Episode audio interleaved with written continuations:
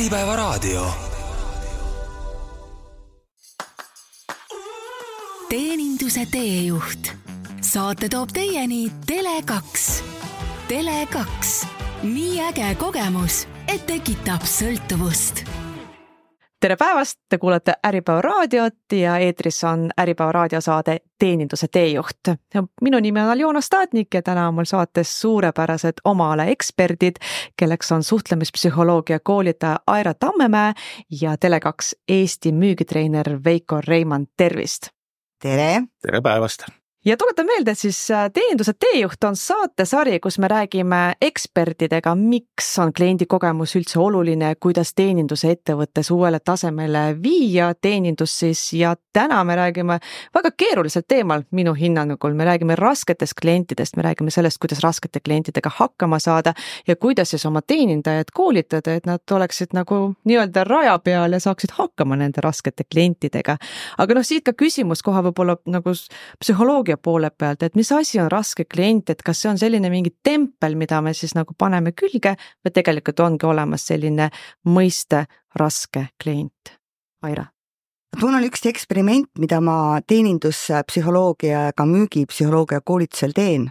et ma väga detailselt seda ülesandepüstitust ei saa siin praegu avada, muidu see enam ei tööta mul gruppides, aga aga selle harjutuse tulemusena saab üsna hästi selgeks, et sellist universaalset rasket klienti pole olemas et äh, tõsi, et kui näiteks paluda teenindajatel grupis kirjeldada raske teeni, äh, kliendi tunnused, et siis nad tulevad, need raske kliendi tunnused, see on selline grupi mõju.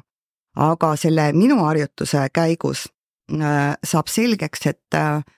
et sellist, et noh, tegelikult nii ei ole, et igal ühel meist on mingid omad teemad ja, ja me, mille peale me reageerime ja, ja selgub seal selle eksperimendi käigus, et juba viie inimesega grupis ei teki ühtegi universaalset või ühesugust tunnust. Eh, kui, eh, et mis asi see raske klient või millised tunnused tal on, et rääkimata siis ühest koolitusgrupist, kus on noh, keskmiselt kuusteist inimest, mitte ühtegi tunnust ei ole ühist nii et noh, mina julgen küll väita, et, eh, et me arvame, et raske klient on midagi universaalset, aga tegelikult ei ole no kindlasti on Tele2-l iga päev käivad äh, nii kergemad kliendid kui raskemad kliendid, et äh, olete saanud Veiko kuidagi kliendi teenindajalt seda tagasisidet. mul oli täna nii raske klient, et ma ei tea, ma ei osanud temaga kuidagi nagu toime tulla. ja, ja loomulikult see tuleb ikka tihti ette, aga ma ütleks ka niimoodi, me oma teenindajatele räägime, et ei ole raskeid kliente. on lihtsalt võib-olla kliendid, kellega see nii hästi ei sobi ja sa pead nendega toime tulema, nendega hakkama saama ja koolitab neid võtmagi seda, et ütleme nii-öelda raske klient on sinu töö loomulik osa selleks tuleb valmistuda, nii tooteid tunda kui teada võtteid, kuidas nendega tegeleda, aga, aga kui sa ette mõtled, et tulevad rasked kliendid, siis juba nad ongi rasked. ja peamine, mis ma olen nagu tähele pannud, ongi see, et et just see on, kuidas inimesed sobivad omavahel, sellest tulebki see kliendi raskus. ja see on nii huvitav, et Airaga olime ühel lainel, mul eile oligi just, äh, kuidagi juhtus nii, tegin probleemse kliendi koolitusele uutele B2B telefonimüüjatele. ja esimene asi, ma küsisin, et, et millised on sinu jaoks rasked kliendid ja see oli naljakas, sealt tuli täpselt niimoodi, et oi, mõni räägib nii palju, tohutult palju, see on nii tüütu, ma ei saa midagi rääkida. teine ütles, et raske klient on minu jaoks see, kes, eh, kes üldse ei räägi, peab sõnu välja kangutama. kolmas ütles see, et mõni tahab fakte saada. teine ütles, et, et raske klient on see, kes küsib nii ründavaid küsimusi, noh, mis teil on, et see on nii vastik, et tegelikult ongi. ja mm. muidugi noh, me oleme enda jaoks jaganud ka rasked kliendid eh, kaheks, ühed on lihtsalt nagu rasked kliendid, kellega sinul isiklikult on väljakutsuv suhelda, aga teised on nagu ütleme, sellised päriselt probleemsed kliendid, ütleme noh, kellega ongi, kes ei ole tegemist enam raske kliendiga, vaid kes on ebameeldivad. on see siis nüüd purjus kliendid, vaimsete probleemidega kliendid, see on nagu teine pool, et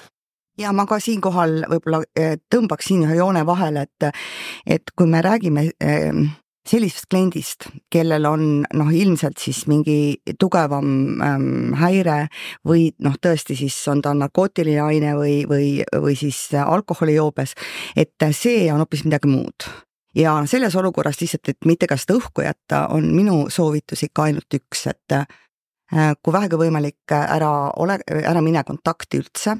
ja kui see on kuidagi äh, vältimatu, jää rahulikuks ja, ja lahku esimesel võimalusel ja kutsu abi. sellepärast, et äh, noh, meie ei, Veiko ega mina ei saa ühtegi inimest õpetada sel-, sellis-, sellises olukorras nagu toime tulema ja ei peagi. et äh, iga inimese inimõigus on igast suhtlemisolukorrast lahkuda, kui see on tema jaoks nagu talumatu, ebameeldiv, raske, et see on inimõigus aga kui me räägime ikkagi nendest tunnustest, et oleks ikkagi arusaadav, et kui me räägime rasketest klientidest, et me ütlemegi, et noh, et on ta siis noh, ülbeolekuga või äh, nõuab mhm. liiga palju või ta on selles mõttes nagu mingi häirega, nagu just tuli välja, et tegelikult on ikkagi mingisugused tunnused, mida te siis koolitajatena teenindus, äh, teejuhtidele ja klienditeenindajatele siis õpetate. Et kuidas ära tunda ja kuidas siis ennast nagu kohandada, et millised need tunnused siis äh, on, mis teevad ühest kliendist siis selle problemaatilise, raskema kliendi mina ütleks nagu nii, et igas suhtlusolukorras on vähemalt kaks osapoolt ja mõlemad reageerivad. ja üks, mida iga teenindaja teha saab, äh, jälgida, mis tema endaga toimub. ja, ja ma arvan, et raskeid kliente jääbki järjest vähemaks, kui sa tead enda kiikse ja, ja ka muidugi tunned uhkust enda tugevuste üle sealjuures. et siis jätkub ressurssi ka nende raskete klientide jaoks ja, ja pisukese analüüsi tulemusena võib juhtuda nii, et tegelikult need rasked kliendid ei olegi rasked, vaid lihtsalt pisut veidrad ja samas ka toredad tegelased ja, ja nende peale ei olegi nagu mõtet pahandada ja, või üldse ennast lasta häirida. nii et, et noh, mina, minu soovitus on see, et, et mitte fookus kliendile, vaid fookus iseendale, ehk see on nagu väga lihtne küsimus, et mis mind antud olukorras häirib? mis, mis minu jaoks raske on? ja ma arvan, et sellest fookusest on palju rohkem kasu kui kliendi analüüsist. Jaa, täiesti nõus, et, et sageli raskeks teeb see, eriti eile just tundsin uutel töötajatel see, et nad ei tunne tooteid ja teenuseid, küsitakse küsimusi keerulisi, millele nad ei oska vastata, tunnevad ennast rumalana, see on probleem, siis loomulikult ega tüüpiliselt oma raskemad kliendid on sellised, kes tulevad nõudliku kehakeelega, juba kaugelt hakkavad pahandama, et mis teil toimub, mis, kes siin on, et ta tegelikult suhtleb igal pool võib-olla niimoodi, aga ta tulebki sinna,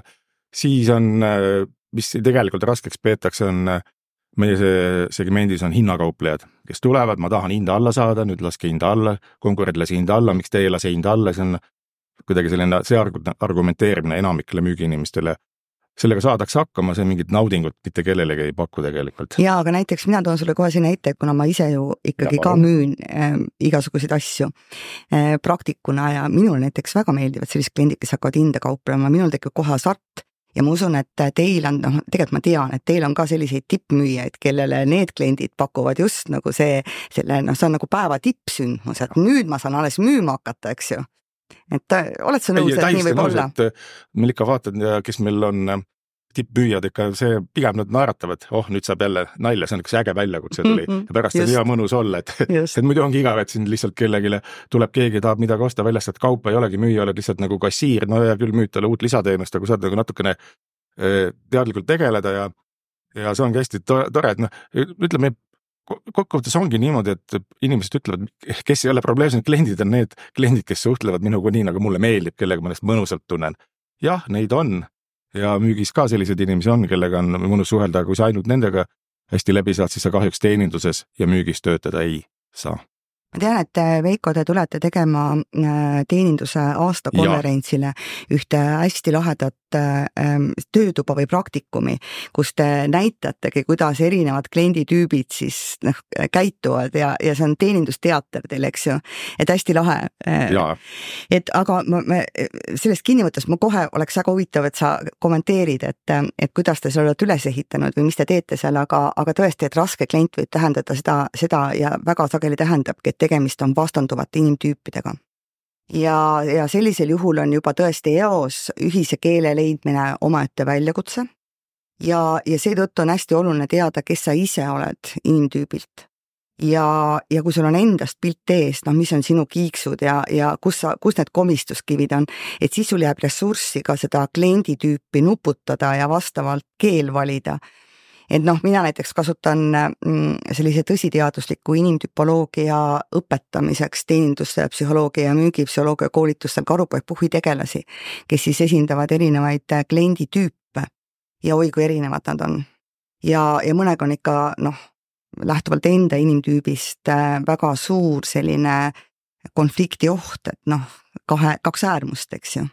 et no ma võin ühe näite tuua, aga siis Veiko oleks huvitav kuulata, kuidas te olete seda enda tiimis lahendanud, et no näiteks jänesetüüp ja puhhitüüp siis minu selles noh, sümbolite keeles, eks ju. et jänesest klient ja puhhi klient, karupoeg puhhitegelastest, et noh, jänese kliendi puhul võib karta, et tema leiab üles menüüst äh, selle ühe kirjavea, mis sinna on sattunud ja siis noh,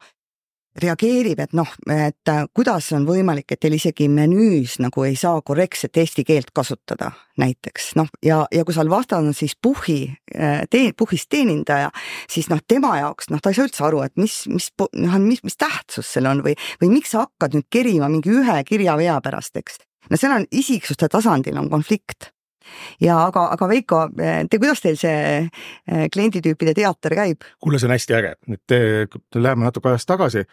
et äh, viis aastat tagasi me lõime kõikidele meie põhiteeninduskanalile, kanalitele lõime sellised teenindusstandardid ja me nimetame neid sõbrateekonnad, kuna me kutsume kliente sõpradeks. aga siis olime sellega tegelenud äh, kolm, kolm-neli aastat,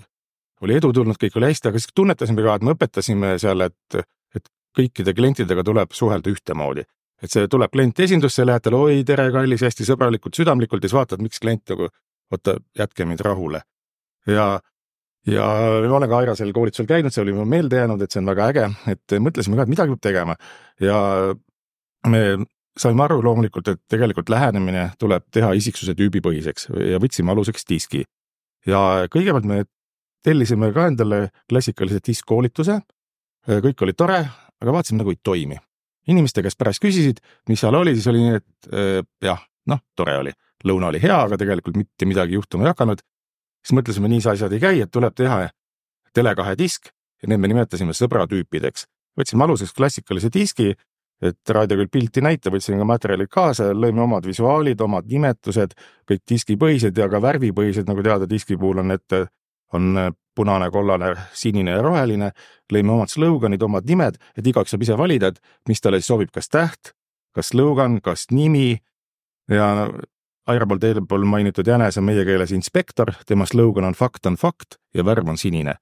Äh, ja siis tekkis, mis ma mõtlesin ka, et minul algselt nagu endale need tähed toimisid kõige paremini, aga mõtlesin, et mis värv inimestel, või tähendab, mismoodi, mis inimestel toimuma hakkab. ja tuli välja, et värvid tegelikult. ja juba nüüd me oleme, hakkasime kaks aastat tagasi selle projektiga pihta, kaasasime erinevaid konsultante, pikem lugu ja lõime oma sellise sõbratüüpide, nimetame süsteemi, mida me siis ka nüüd oleme aasta aega aktiivselt oma nende sõbrateekondadesse implementeerinud, on olnud kaks suurt koolituste lainet ja nüüd kohe-kohe on algamas kolmas, pluss siis tiimijuhid tegelevad ja see on nii äge, kui kuuled, lähed esindusse, oi, mul käis punane klient, ma sain temaga hakkama, ma ise olen roheline, aga teadsin, et punane mm. tuleb, tuleb olla konkreetne või vastupidi, et näed, roheline tuli, ma tahtsin kohe tegutsema hakata, aga enne tuli teda mõista natukene, öelda, nii tore, et te tulite, nii armsad olete, et see on tegelikult hästi-hästi toimib ja selleks, et see inimestele kohale jõuaks, me koolitust oleme üles ütleme selle, nende tutvustused oleme üles ehitanud näitemängudele, mina ja minu kaaskoolitajad mängime äh, neid äh, situatsioone, erinevaid situatsioone läbi, tähendab, situatsioon on üks, aga ka see tüüp on erinev ja siis erinevalt inimesed vaatavad. see on nii tore näha, kuidas peale koolitust inimesed ütlevad, oi, ma olen ülikoolis või koolis diskist kuulnud. ja nüüd esimest korda ma saan aru, et tegelikult see nii ongi, et see toimib, see on tõsi. ma mõtlesin siiamaani, et see on, see on mingi selline noh, aga hakkas kohe huvitama, et noh, sinine on inspektor, et kes see siis punane on, kes see kollane on ja kes see roheline on? D ehk domineeriv tüüp on elun võistlus. et tema Aha. tahab võita, elu saab kohe, kiirelt kohale, teeme kähku ära, et pole aega pikalt Kaup. mökutada mm -hmm. ja see ongi, et tema vihkab, kui keegi müüja hakkab hästi pikalt mämmutama, fakte rääkima mm, -hmm. tahab teada lõpptulemust lõpp ja või siis näiteks selline lõbusam tüüp on vast kõige lõbusam on I ehk seltskonnalõvi. elan rõõmsalt hetkes et kes tahab sellist, et elu oleks fun ja tore ja armas ja kõik ja ei taha neid numbreid ja fakte, tahab, et oleks äge, tema tahab tähelepanu, tahab, et teda märgataks. ja siin ma võin ka tuua huvitava välja, et paljud inimesed alateadlikult arvasid, kui tuli selline kollane seltskonnalõvi ja hakkas rääkima oma ägedatest seiklustest ja reisidest, siis müüja arvas, et on õige, et ma hakkan rääkima oma reisidest, mis olid veel ägedamad. ei, tegelikult sa lihtsalt kuulad, kiidad, ütled, palun nüüd ühe hetke, vaatame meie teenused ka üle siis kolmas on selline või neljas on roheline hoolitseja, headus sünnitab headust. ta on selline südamlik, armas, et teda on kõige lihtsam ära tunda tegelikult, sest tavaliselt on nii, et meil oli lugu, et ta ootas pikalt järjekorras. Ja, ja siis, kui tema järjekord saabus, et ma väga vabandan, et ma nii kaua ootasin no väga huvitav, et kas raske klient ongi siis see inspektor ikkagi, et kes ei, nagu, et ei, tuleb. ei, ei, vaat ei ole, ole, kogu point ongi selles, et, et raske klient eh, tähendab noh, vähemalt psühholo-, psühholoogi vaates seda, et tegemist on vastanduvate inimtüüpidega. ja noh, ei ole näiteks siin Veiko tüpoloogia peale, et noh, minul on nad Karupäev-Puhhi tegelased, eks ju, et et see ülilahke ja hea notsutüüp, eks ju, siis hoolitseja, et tema ajab IAH-ist tüüpi närvi. Ehk siis noh, IAH ei kannata näiteks väga ähm, sellist noh, no öelda, tema tajub seda lipitsemisena, tema tajub seda nagu mm, teatud ohuna, et sa oled nii hea inimene, et ma igaks juhuks nüüd katsun su natukene närvi ajada ja hakkabki kiusama tahtlikult, nii et, et noh, see küsimus ei ole selles, et üks nendest isiksustest oleks halvem klient kui teine, sellega ma kindlasti nõus ei ole. Nad on kõik head kliendid, aga nüüd oleneb teenindaja enda tüübist ja kui hästi ta on ennast äh, aktualiseerinud, kui hästi ta oskab enda kiikse äh, siis oma tugevusteks pöörata või vähemalt on nendest teadlik, eks. jah ja., täiesti nõus, et ei saa, mitte mingil juhul ei saa öelda, et keegi tüüpidest on raske, lihtsalt ongi nii, et kuidas sa kellegagi hakkama saad, näiteks minule väga meeldib punasega. teate, saab palju rutem asjad valmis kui rohelisega. töö tehtud ja ütled jess, et teeme ära. ja, ja see on väga põnev ja tõesti nagu airaline äh, loomatüübid ja samamoodi nagu meil, et see toimib inimeste koolitamisel palju-palju-palju paremini kui kuivalt selline ettelugemine ja näitamine, et siis inimestel ei teki ajus mingeid seoseid ja see ongi, koolitusel ei ole mõtet. ja noh, ikkagi ma veel korra kordan, et ähm, ei ole olemas halba inimtüüpi ega rasket klienti, rasket inimtüüpi, aga on olemas erinevad isiksused, erinevad inimtüübid ja konflikti oht on siis, kui nad on äärmuses, noh, vastandid. et siis peab teenindaja ennast tundma ja, ja peab, et siis jääb kogu, kui endast on pilt ees, siis jääb aega res- ja ressurssi nagu kliendile ka tähelepanu pöörata, et. ja täpselt ja mis me olemegi teinud inimeste jaoks, tuleb teha asi hästi lihtsaks, et, et meie sõbrateekonna esimene pool on see, et kontakti käigus sa enda jaoks kaardistad, mis tüübiga on tegemist ja teadlikult mõtled, et et mida ma nüüd oma käitumises timmin, ei ole vaja palju teha, üks-kaks-kolm asja, natukene muuta, rohkem naeratad, rohkem, vähem naeratad, rohkem fakte. Ja siis järgmine etapp muidugi, mis on inimeste jaoks oluliselt keerulisem, see määramine on nagu fun, et oi, näed, seal tuleb kollane tuli nüüd ja ja see pool, et sa hakkaksid teadlikult midagi oma käitumises muutma, see on tegelikult äh, raskem ja sellega me praegu tegeleme. osad juba seda teevad, ütleksid paljud, paljudel läheb veel sellega aega, aga see, mis me oleme ka avastanud, et me oleme siin koolitustel igast fakte kirja pannud, et see on tegelikult äh, esiteks aitab inimestel oma närve ja vaimset tervist hoida, et sa teadlikult tead, jah, mul on punasega raske, ma pean pingutama, näed, punane tuli, aga ma võtan seda mänguna, et inimesena, müüjana saab võimalikult palju oled nagu tüüpide keskel ja sa astud paar sammu sinnapoole, paar sammu sellele poole, mis ma olen, mis oli ka minu jaoks huvitav avastus, et et kui on, võtame veel ärimüük, tooted, kus tuleb võima üsna keerukaid müüke teha, et ei ole, ei ole lihtne helistada, osta täna mulle sokid, vaid et tegelikult keerukad lahendused, et seal on kõige edukamad sinised tegelikult müüjad. et need, nemad on hästi süsteemsed ja neid ja nendel on müügiedukus ikka tohutult palju kasvanud, kui me oleme neile öelnud, et palun lisaks faktidele natukene kollasele lisa seda emotsiooni, natukene kiidadega, natuke mõista rohelist ja nad suudavad süsteemselt seda teha ja ja enne nad ainult fakte ladusid, müük oli väiksem ja nüüd nad või teenindus oli kehvem, aga nüüd nad lisavad sinna natuke emotsiooni, sest tegelikkuses ei ole seda emotsiooni vaja üldse palju lisada, aga vaja natukene leida aega näiteks rohelise puhul kuulamiseks ja mõistmiseks. Ja siis saad oma oma teemaga edasi minna. aga muidugi ka inimtüübid ja ei ole ka kõik, et see on nüüd ei, üks,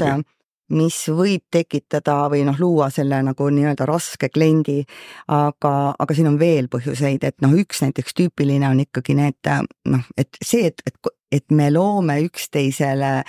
nagu selliseid noh, tunnetusi või, või ütleme siis kognitsioonid on kõiges süüdi. ja, ja noh, see on see on siis selline olukord, kus teenindaja võib oma täiesti loomuliku käitumisega või, või ühe lausega käivitada teises pooles reaktsiooni, mis ei ole kuidagi seotud selle konkreetse olukorraga, vaid sellega, kuidas teine pool seda tunnetab. ja noh, sellega tegeleb kognit-, kognitiivne psühholoogia, ehk siis kuidas me tunnetame maailma ja, ja, ja kuidas see tegelikkus inimteadvuses äh, peegeldub et noh, olukorda üldiselt ei, ei tõlgendata objektiivselt ja vaid määravaks saavad näiteks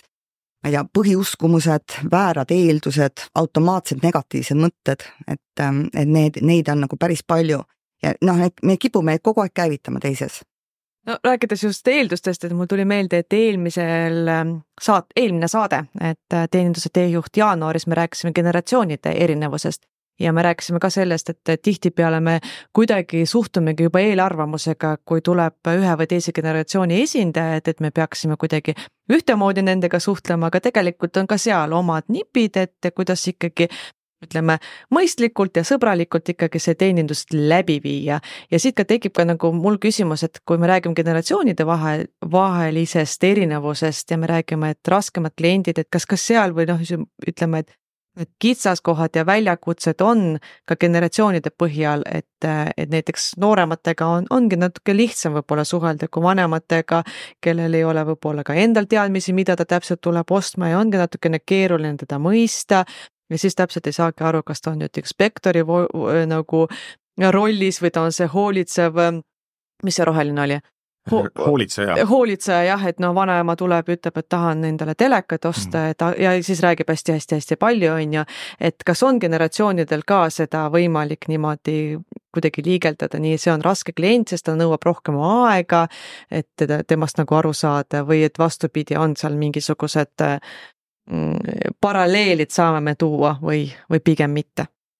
Ehm, ütleks niimoodi, et minu kogemus ütleb, et seda generatsioonide poolt on natuke ületähtsustatud. jah, see on olemas, ma ei eita seda, kuid see on pigem jah eeldamine, et kui tuleb äh, rohelise baretiga vanem proua, et siis on ta automaatselt roheline, ei, ta võib vabalt olla selline äh, domineeriv punane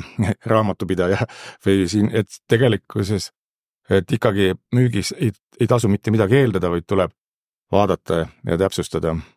et äh, et jah, kindlasti ma arvan see, et nüüd öelda, et kõik vanemad on, vanemad prouad on rohelised, see ei pea paika ja tuleb ikkagi, me ütleme ka inimestele, et tegelikult kui lähtuda nüüd puhtalt nendest isiksuse tüüpidest, siis seal ei ole ei vanust ega sugu. et see on täpselt, kõik võivad olla kõik ja nad enam-vähem võrdselt on jagunenud. ja, ja kui sa, jah, nii me õpetamegi, et läheneme eeldusega, et määrame selle tüübi ja siis hakkame edasi tegutsema vastavalt, aga mitte enne ei, ei hakka vanusest johtuvalt midagi juba eelnevalt enda peas muutma ja teistmoodi tegema, aga loomulikult, mida me kindlasti koolitame, mis on hästi oluline, et äh, vanemad inimesed ähm, vajavad rohkem aega. erinevatel põhjustel, võib-olla ei kuule nii hästi, võib-olla ei, ei näe. ei mõista. ei mõista, et tahavad rahulikumat seletamist, et nende puhul kindlasti me väljendame alati austust, me kuulame neid, räägime kaks korda, kolm korda. olen näinud, et proua läheb ukse juurde, tuleb tagasi, et palun rääkige uuesti, ma unustasin, räägime uuesti, sest et, et ei ole lihtsalt lugupidav nende suhtes üles näidata kärsitust ja mitte hoolivust, et teate, ma näen, et te siin tulete oma arve selgitust saama, et aga olge hea nüüd, minge ära, et siin inimesed tahavad ostma hakata, mitte mingil juhul seda me ei tee, see on lihtsalt austus ja nii peab, nii peab käituma mm. -hmm. Aira, tahad sa midagi lisada sellele, et on sinul ütleme, psühholoogia poole pealt kuidagi? ma jäin, ma jäin mõtlema, et äh, see rohelise äh, baretiga äh, noh, kuuskümmend pluss proua, vaat see võib olla nagu üheks trigger'iks, mis teenindajas ka käivitab just selle kognitsiooni, et kui me, et noh, et mis on tüüpilised kognitsioonid või, või siis ütleme nii, et, et et mis käi-, võib käivitada emotsiooni, et see võib olla mingi pilt, sümbol ja, ja, ja ta on kuskil mälus sügaval ja, ja siis see rohelise baretiga proua, kui ta astub sisse, saabki selleks käivitajaks, aga noh, tegelikult on kõige olulisem aru saada, et mis on see sinu automaatmõte, mis siis seostub selle rohelise baretiga prouaga näiteks, kes ei pruugi üldse olla see roheline inimtüüp, eks ju, see hoolitseja.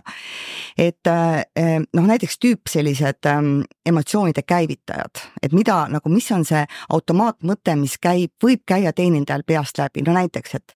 et kindlasti jään talle alla või ma ei saa selle kliendiga hakkama. et või siis noh, ta nüüd kindlasti juhtub midagi halba.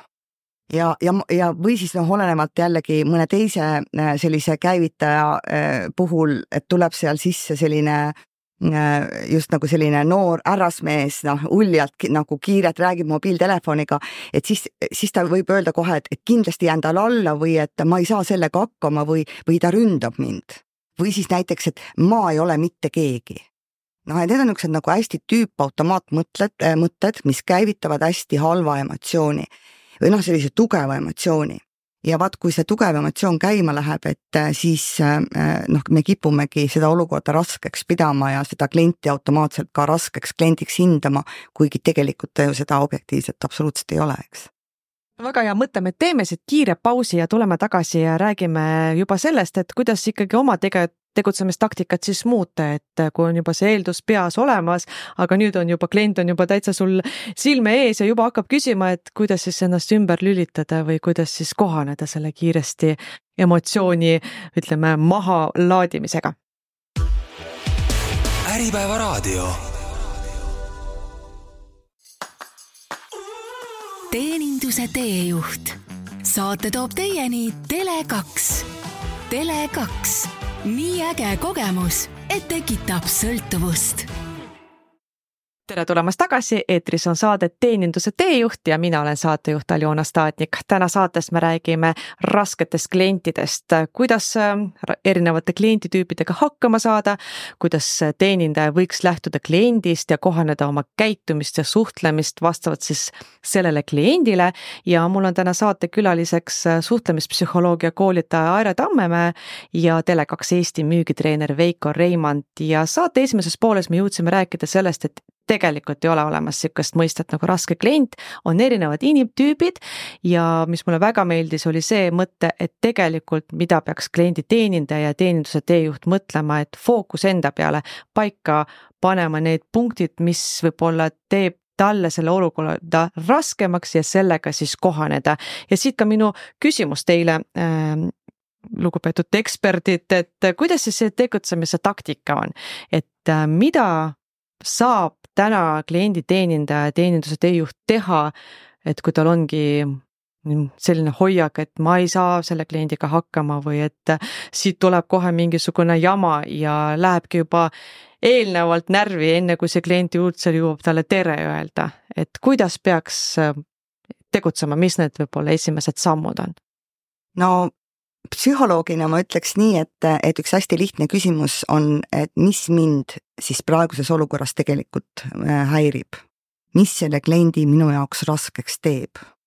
ja noh, siis oleks muidugi hea, kui, kui on aru saada, äh, et mingisugune automaatmõte käib mul läbi või noh, kipub korduma aeg-ajalt et noh, siis oleks mõistlik äh, seda mõtet korra võtta lauale ja vaadata, kas see on nagu mõistlik mõte või see on ainult mul välja kujunenud nagu selline arusaam maailmast ja elust. et kontrollida nii-öelda siis oma automaatmõtte äh, paikapidavust aga noh, üldiselt lihtne, äh, Veiko kindlasti räägib selliseid väga konkreetseid näiteid ka, mida teha annaks. ja väga nõus sellega, et üldiselt võiks kõigepealt noh, mõelda ka selle peale, et et mis mul siis puudu on, et siis seda juurde arendada, aga üldiselt käib asi nii, et ähm, need rasked kliente on vähem, kui sa päriselt ka süvened äh, selle psüühilise tasandi keerdkäikudesse. ja, ja seal käib arenguprotsess üldiselt nii, et äh, kõigepealt omandan teadmised, siis õpin tagantjärgi analüüsima olukordi, siis hakkan märkama tasapisi juba situatsioonis olles, et mis toimub, aga veel ei oska lahendada ega reageerida. ja alles siis seejärel hakkab inimene õppima ennetama reaktsioone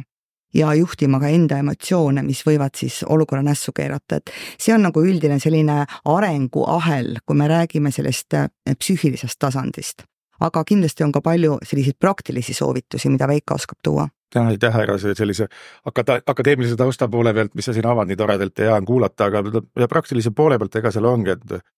et äh, kõige alus on ikkagi äh, enda suhtumine, enesekindlus, kuidas tekib enesekindlus, sul peab olema teadmised, et selleks, et mis on ka väga oluline, et, et selleks, et teenindaja, müüja üldse saaks minna letti või hakata telefonil tegema kõnesid, peavad olema tal mingid baasteadmised, mis meil on kindlalt, on komp-, kompetentsi sellises kuidas me nimetame, kompetentsi kaustas on meil paika pandud, et enne ta liinile minna ei tohigi, me oleme kindlad, et need on tal olemas, sest et siis on väga suur tõenäosus, et ta koheselt põleb läbi, saab egošoki ja ja siis Aire võib täpsemalt rääkida edasi, mis siis juba juhtuma hakkab. ja aga igal juhul on ka see, kui ta liinile läheb, et tal kindlasti ütleme liinile siis, kes meil, ma räägin siin telefoniteenindajate, telefonimüüjate, esinduste töötajate nimel, ikka juhtub olukordi, mida sa ei tea aga siis me, seda me oleme kõikidele öelnud, et tuleb alati jääda igas olukorras rahulikuks. võib julgelt öelda, et ma töötan siin esimest kuud, ma olen õpilane, et ma selgitan sellele küsimusele vastuse välja ja ma helistan teile tagasi või annan teada või vaatame koos arvutist või mu kolleeg tuleb, aitab, sest loomulikult inimesed on nõus alati aitama ja ei hakka selle peale pahandama, et see, kui sa närvi lähed, värisema hakkad ja õnnetuks muutud, see ei aita mitte kedagi, mõni tunneb kaasa, mõni veel oleb õli tulle. aga sellised lihtsalt praktilisi näiteid panna, mida me müügitöötajale õpetame, ongi see, et et alati ole selline, ütleme, kontakti algus on oluline, peab olema selline rõõmus, positiivne, mitte ülepoole, aga selline elujaatav ja et inimesed saavad aru, et kui siin on energiline, tore inimene, siis tema peale oma emotsiooni välja valada tegelikult ei ole sobilik ei ole mõtet. no näiteks esindustes, kui me näeme, et, et läheneb kaugelt juba inimene, kes on tigeda olemisega, siis paljud töötajad, mitte paljud, nüüd mõned hakkavad eeldama, et nüüd tuleb probleem, nüüd on jamad, tõmbuvad teadlikult kössi, juba tahaks ära minna, silmsidet ei loo juba ja siis hakkab kõik allamäge minema, ei, vaatad silma, naeratad, ütled tere päevast, nii tore, et siia tulite, mis teid täna meie kaunis esindusse tõi, et kuidas saame päeva paremaks teha ja juba probleem väheneb ja me hakata, saame hakata tegelema tegelikult lahendusega. aga edasi minna siis ongi, et no kui kontakt on loodud, siis hakkame probleemiga tegelema, muidugi eeldus, et probleemiga tegelema hakata, on see, et ka kliendi emotsioonid peavad olema maandatud. et kui ta on, nimetame oma keeles seda punases, et siis ta ei kuule, siis ta ei näe, emotsiooni ei kuule, siis ei ole mõtet edasi minna, siis lahendusteadja tuleb. kui sa oled veendunud, näed, et inimene on oma esmase pahameele välja valanud, me õpetame, et seda ei tohi isiklikult võtta, see pole mitte sinu, vaid see on Tele2 vastu, võib-olla inimesel oli lihtsalt paha päev, võib-olla juhtus tal kodus midagi, me ei tea ju seda kunagi ei tea, mis tal kodus võib olla või tööl, ükskõik kus, tuli siia välja valama, aga ei võta isiklikult. ja kui see emotsioon on maandatud, siis ongi lihtne, siis hakkame kuulama ja karistama. enne mitte mingil juhul ei tohi probleemi hakata lahendama, kui on selge, mis seal taustal on. see on meil üks klienditeeninduses üks tüüp vigasid, et aa jah, kohe hakkad lahendama, aga ta, sa ei ole tegelikult lõpuni kuulanudki, et lahendus võib hoopis midagi muud olla, protsess venib, tekib uus pahameel, jälle te ei kuula mind, rumalad olete, et see on selline ja niimoodi ta läheb, et kui oleme kaardistanud, küsime, oleme kindlad, siis pakume talle välja lahenduse, küsime kinnitust, kas lahendus sobib. Ja ongi tore, teeme kokkuvõtte, sõbralik lõpp, nii äge, et tulite, nii tore, et saime selle probleemi korda. Ja absoluutselt see ei välista ka edasist võimalikku lisamüüki, kui oleme ilusti probleemi lahendanud. Ja Veikot kuulates mõtlen, et küll oleks tore, kui see niimoodi kõik ka praktikas töötaks ja töötakski, kui meil ei oleks emotsioone, et kui ei oleks teenindajal neid ja kui poleks kliendil neid, aga noh, et emotsioonid alati äh, käivad ratsionaalsest äh, kaalutlemisest üle. Ja mul on, võib-olla ma pakun nagu paar niisugust tehnikat, et kõigepealt äh, see, kui klient on ilmselgelt emotsionaalselt mm. nagu väga ärev, et siis esimene asi peaks andma talle õiguse olla äh, pahane ehk siis hästi sõnaselgelt öelda, et ma saan aru, et te olete pahane ja et, et, et see on küll nüüd hull lugu. et, et rääkige täpsemalt ja lasta tal tõesti rääkida. aga mis puudutab enda emotsioonidesse, siis noh, kaks tehnikat, mida ma olen näinud väga hästi töötamas, on, et kui sa tunned, et endal läheb kops üle maksa ja, ja hakkab nagu kerima miski asi, et siis üks asi on see, et sa hakkad teadlikult nagu hästi jälgima oma hingamist sisse-välja ja teine noh, niimoodi sügavalt välja, sügavalt sisse ja sügavalt välja on sama oluline, et kopsud ikkagi korraks nagu tühjaks ka saab sellest juba emotsionaalselt laetud siis õhust, noh jutumärkides. aga,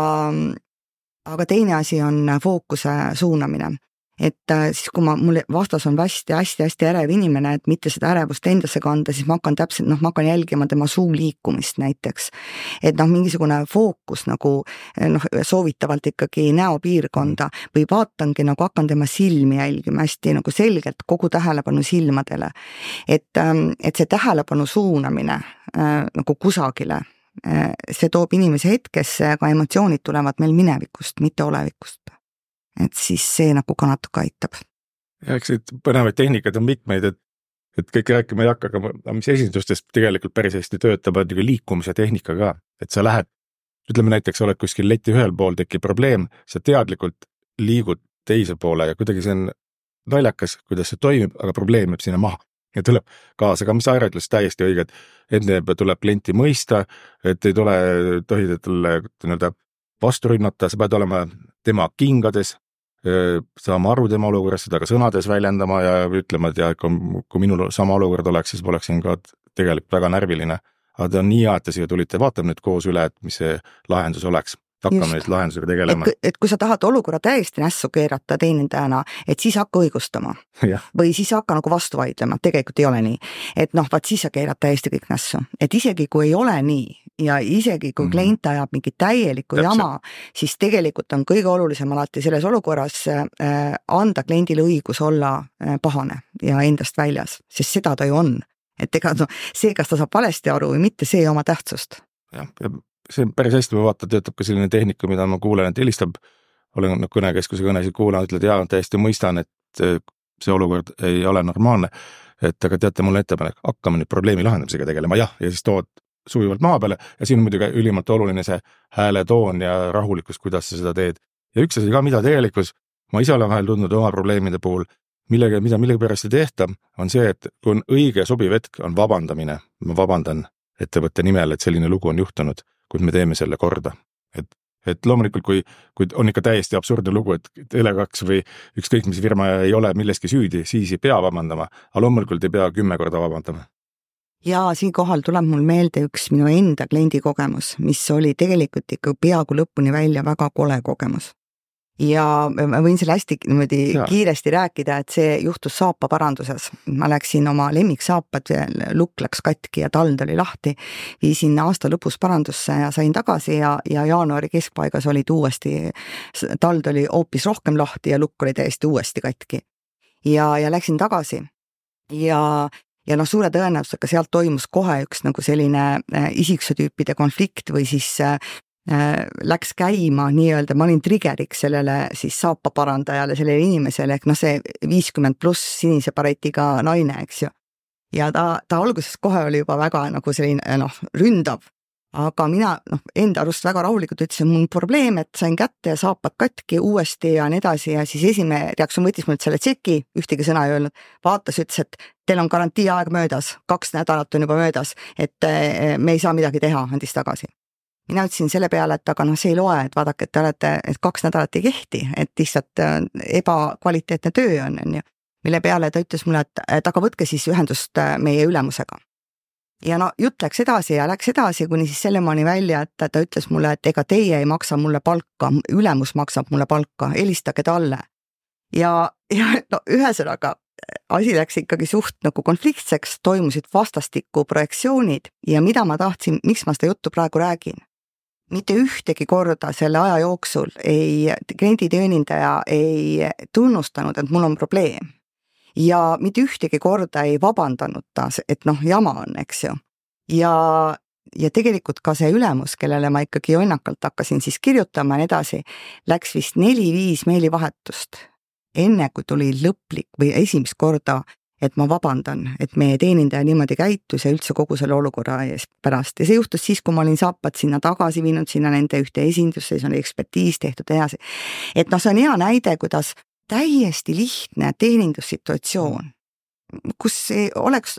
mina polnud üldse pahane, et ma sain aru, et asjad lähevad ikka katki ja mõnikord ka kohe jälle uuesti. et kui oleks olnud äh, esiteks äh,, et see on väga okei okay,, kui te olete pahane, et noh, mis pahane, et see on väga okei okay,, hakkame probleemi lahendama, ma polnud isegi pahane. ja teine asi, et oleks olnud üks vabandus, et see on jama küll, kui ikkagi juba kolme nädalaga saapad katki läksid uuesti. Olekski kõik olnud, eks. aga noh, suure tõenäosusega mina olin selle teenindaja jaoks väga raske klient. jah, tõenäoliselt polnud saanud ta ka sellist õiget koolitust, kuidas lahendada probleeme ja aga seal tekib ka see küsimus, et võib-olla sellel kliendi teenindajal enne, kui Aira sinna oma saabastega läks, oli veel kaks-kolm äh, väga rasket klienti. et, et minu küsimus on ka see, et, et kui juhul, kui on olukord, et tulebki keeruline klient ja, ja võtab noh, motivatsiooni nii maha juba hommikul kell üheksa, on ju. et kuidas siis teie õpetate, koolitate oma teenindajaid, et terve päev on veel ees ja tuleb veel sada klienti ja me ei tea, kas tulevad punased, kas tulevad sinised, rohelised või kollased. et kuidas sellest emotsioonist nüüd vabaneda. üks asi on enne, kui klient tuleb, aga teine asi on see, et kui on juba ära käinud see äh, problemaatiline raske klient, et äh, kuidas sellest emotsioonist välja tuua ja ikkagi minna edasi klienditeenindusega Äh, sellega on tegelikult äh, lihtne, et meil on tegelikult, nüüd sõltub, kui, kui katki inimene on, kui ikka tõesti oli väga ebameeldiv lugu, isiklikud rünnakud, siis on meil täiesti lubatud öelda, et kui ta tunneb, et ma ei suuda täna pakkuda Tele2 sõbra teekonda nii nagu peab, siis on täiesti okei okay,, et ta läheb koju. võtab vaba päeva. vahel piisab ka sellest, ta läheb taharuumi, läheb jalutab õues. see on täiesti okei okay,, et siin ei ole nii, et see on inimene kõige tähtsam ja, ja meil on ka olemas kiired võimalused, kus saab ka psühholoogilist abi, kui tõesti on midagi väga hullu juhtunud. aga lihtsamatel juhtudel, Aira poolt mainitud hingamine aitab päris hästi, et kolleegiga jagamine, kolleegid nägid, mis juhtus näiteks või räägib, mis oli. meil on sellised usaldusisikud, mentorid, coach'id, et süsteem on olemas, aga et peaasi saaks välja elada ja arutada, mis seal nüüd juhtus, mis seal need tagamaad olid just väga hea, et, et seal ongi see lahendus, et õpin tagajärgi analüüsima ja seda saab aidata teha juht, seda saab aidata teha kolleeg, kes parasjagu ei ole selles emotsioonide virvarris sees, seda saab aidata teha muidugi professionaal, mentor, coach, eks ju, firma sees. et äh, see on hästi oluline, tagantjärgi analüüsida, sest see on nüüd äh, kogemuste saamise koht Veiko ütlesite, et äh, noh, teil on olukordi, kus te kuulete neid kõnekeskuse ja. kõnesid, eks ju, noh, ilmselgelt te kuulete seal erinevaid nii positiivseid, negatiivseid, igasuguseid. kui palju üldse tiimile te jagate selliseid keerulisemaid olukordi, et äh, tuua neid ühte inforuumi, et noh, meil on olnud sellel kuul sellised, sellised olukorrad, et kus me saamegi, nagu Aira ütleb, analüüsida, et teised saaksid ka õppida. et noh, äkki mul ei ole olnud sellist olukorda, aga äkki homme tuleb ja ma tean, et maja sees on juba olnud selline analüüs, siis ma oskan ise ka paremini teenindada seda klienti ja olla selles olukorras. jah, meil on äh, nii uutele kui vanadele on regulaarselt sel-, nimetame siis sellised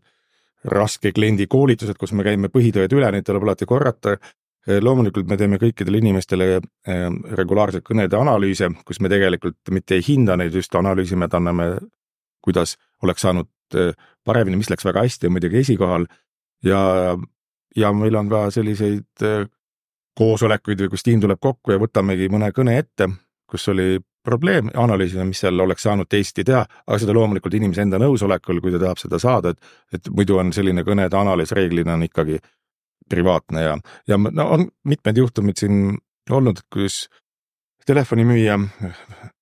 kurdab, et tal on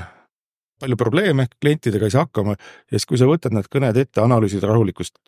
teekonnas või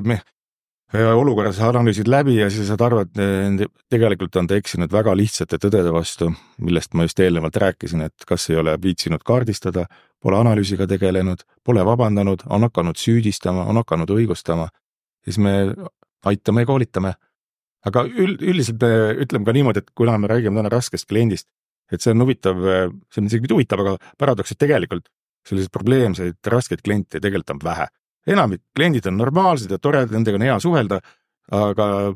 aga need rasked ja eriti väga rasked kliendid jäävad meelde, nendest räägitakse ja ja, ja. ja no see on sellepärast nii, et, et sellega seoses käivituvad emotsioonid ja emotsioonid on need, mis, millega, mida me kaasa veame ja need kipuvad tekitama meil siis ka neid uusi automaatmõtteid, mis taaskord noh, käivitavad siis emotsioonid, isegi kui noh, uus olukord ei ole üldse seotud sellega, mis, mida ma kunagi kogesin. aga üldiselt jaa, eh, kõik see, et, et ma eh, analüüsin kõigepealt, et et ma olen teadlik üldse, mis toimub inimeste sees ja inimeste vahel, eks see on need teadmised, siis ikkagi see analüüs, mida Veiko väga hästi kirjeldas tagantjärgi ja, ja siis hakkad sa juba märkama seda ise seal situatsioonis olles ja, ja siis õpid ka ennetama juba ja juhtima emotsioone. aga ma pean paraku ütlema, et, et ei ole ühtegi garantiid, et isegi kui sa oled täiesti proff, et siis ei tekiks tagasilangusi, et ikka tekib ja, ja see oleneb just suurel määral sinu enda emotsionaalsest seisundist. ka näiteks füüsilisest väsimusest, pingetest, mis on taustal ja veel paljust muust, et aga, aga ikkagi, et kui sa oled selle nagu redeli või selle läbi teinud, selle ahela, et siis tõenäosus puutuda kokku raske kliendiga ikkagi väheneb Ja. ja neid jääb järjest vähemaks ja vähemaks ja varsti avastad, et, et pool aastat polegi nagu ühtegi rasket klienti enam olnud, eks ju. ja kahe käega kirjutan alla, see tõepoolest täpselt niimoodi ongi, et ja tegelikult on nii äge jälgida kõrvalt, mulle meeldib esindustes käia, on meil töötajad, kes on töötanud viisteist, kakskümmend aastat, meeletu kogemus kõikide tüüpidega, kui mänglevalt nad kõigiga hakkama saavad, tuleb probleemne punane mees. Ja kui varsti, kui sõber ta on ja see on nii äge on vaadata ja ka nendel tuleb tagasilööke. Ja ka mina käin esindustes, olen ka saanud tagasilööke, sest inimesed on inimesed. ja alati, alati ma ikkagi psühholoogina pean seda veel ka kordama, et alati jääb inimesele õigus tema jaoks talumatust olukorrast välja astuda.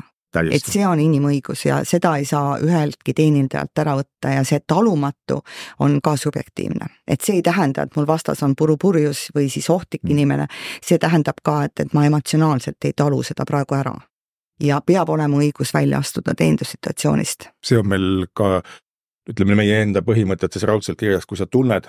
et kõne muutub isiklikuks, on sul täiesti õigus öelda, et ma tunnen, et ma ei soovi teiega praegu suhelda, ma tunnen ennast, räägid oma tunnetest. et ma ei, ei suuda võib-olla. ma ei suuda jah, tunnen ja. ennast jah, ma tunnen ennast väga ebameeldivalt ja ma lõpetan selle kõne ja ongi kõik, lõpetad kõne aga see..., aga teenindussaalis äh, teenindussaalis on äh, nagu keerulisem. saab samamoodi tundeid väljendada, öelda, et sellise tooniga ma ei soovi teie suhelda, kutsun oma si. siin on mul üks hästi hea nipp, mida Räägi, ma teenindus, teeninduskoolitusel, kui teenindussaalis silm silmas siis face to face kontaktis ma tunnen, et, et noh, ma ei, ei jõua, et siis ma saan alati öelda, et teate, et see teie teema on nii oluline ja, ja ma ütlen ausalt, minu jaoks nagu ka liiga keeruline, et ma lähen kutsun eksperdi ja, ja siis, mida sa teed, sa vahetad ennast välja, see ei pea olema juht, see ei pea olema mingi ekspert, see võib olla su töökaaslane. paluda, et kuule, tule vaheta mind välja. ja, mhm. ja siis toimub vahetus ja, ja noh, see on ka niisugune psühholoogiline protsess, et huvitaval kombel tavaliselt, kui inimese vahetus toimub, siis kaob ka probleem ära kliendil. jaa, täiesti õige, lihtsalt tuli meelde enda varasemas praktikas oli selline, alati oli nagu keegi pidi olema nii-öelda juhataja sest et äh, vahel öeldi, et ma tahan juhatajaga rääkida siis tuli tagant tuli täiesti kolleeg, kes ei olnud mingi juhataja, ütles ja milles küsimus. ai, siin väiksed probleemid ja kuidagi ei olnudki enam tige, see on nii, see on nii põnev ja, ja muidugi nüüd, kui, et räägime ausalt, et kui esindustes tekib olukord, kus tekib juba päris vägivaldne oht, siis selleks on olemas paanikanupp ja, ja varjumine taharu-, tagaruumi. jah, ja seda ei tohi ka ära unustada, et, et teatud olukordades peab olema inimesel õigus ennast kaitsta. jah mis ongi ikkagi kõikide nii ütleme, ettevõtte poole pealt oluline, et noh, säilitada oma tööinimeste vaimset tervist ja, ja hoida jah. oma inimesi eelkõige, et et noh, ei taha halvasti öelda, et kliendid tulevad ja lähevad, aga selles mõttes ikkagi see kliendi teenindamine on ikkagi selles kontekstis ikkagi nagu oluline, aga noh, klient on kuningas ja ka temal on alati võimalus olla jaa, klient on kuningas, aga mina olen ka kuningas teenindajana ja see, mis meie vahel toimub, on ikkagi kuningate vaheline asi et, ähm, et see on see mõtteviis, mida mina koolitan kogu aeg. mulle meeldib selline võrdlus, et jah, klient on kuningas, aga mina olen prints või printsess. ise mäletate muinasjuttudes see prints või printsess oli sageli palju tähtsam ja olulisem tegelane, kui see kuningas oligi no sellise rõõms, rõõmusõnumiga me ka tänast saadet äh, lõpetame, sest et kahjuks on meie imeline teeninduse teejuhi saateaeg otsa saanud, et mina igal juhul tänan, et ma usun, et me saime siit päris palju praktilisi näiteid ja selliseid nippe, kuidas siis äh, raskemate, keerulisemate klientidega suhelda ja kuidas teenindaja saaks ennast siis nii-öelda vormis hoida. ja kordan siis, et äh, saade oli Teeninduse teejuht, mina olin saatejuht Aljona Stadnik ja saatekülaliseks oli koolitaja Aire Taimemäe ja Tele2 Eesti müügitreener Veiko Reimand ja lugege meie uudised, et äh, täpsemad kaubanduse valdkonna uudised saate lugega, lugeda kaubandus.ee lehelt ja meie saade on ka järelkuulatav Äripäeva keskkonnas, Äripäeva raadio, raadio.äripäev.ee. kuulake meid ja järgmine kaubanduse valdkonna saade on juba nelja nädala pärast ja see on juba märts ja hea teeninduse kuu, nii et kindlasti tuleb põnev. Aitäh, Veiko, aitäh, Aira! aitäh! aitäh ja kohtumiseni teeninduskonverentsil, kus ka Veiko kohal aitäh! just, jagamas oma teatripraktikaid äh, teeninduse. teeme väikese etenduse. noh, igal juhul hoidke silmad ja kõrvad lahti. kõike head